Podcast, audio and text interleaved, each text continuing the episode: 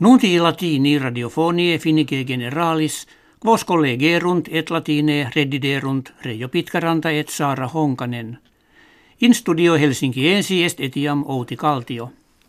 Die Dominico sive eo ipso die cum Christiani ubique terrarum festum festorum celebrabant in Sri Lanka octo ictus terroristici facti sunt quibus amplius trecenti homines vitam serunt et kirkiter quingenti vulnerati sunt. Impetus presertim ad ecclesias catholicaas ubi populus magna multitudine missam solemnem agebat, nec non ad deversoria viatoribus grata directi erant.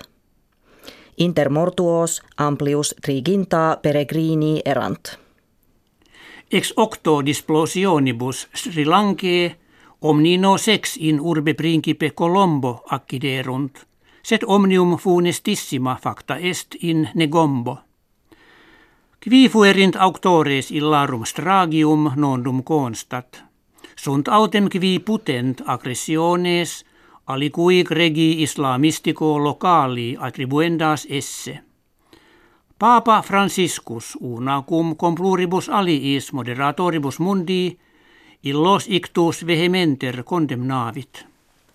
In Ukraina comitia presidentialia habitasunt quorum victor manifestissimus evasit Volodymyr Zelensky.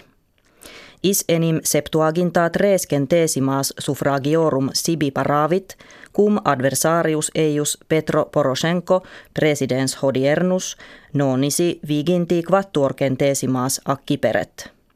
Zelensky est actor fabularum comicarum quadraginta unum annos natus, sed etiam juris consultus. Moderatores unionis europee Ukrainam lauda verunt, quod per tota comitia leges democraticas et principia legitimitatis observavisset. Angela Merkel, kankellaria federalis Germaniae, Presidenti Zelensky regens electo gratulata est. Sperans fore ut res Ukraine eventu comitiorum stabilirentur. Regimen Germanie inkvit etiam post haak eo tendit ut integritas Ukraine servetur.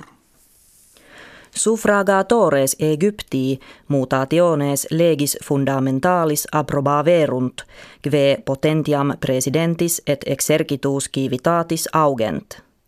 Kve cum itasint presidens Abdul Fattah al-Sisi, qui ab hinc quinque annos munus in iit, usque ad annum bis millesimum trigesimum rem publicam administrare potest.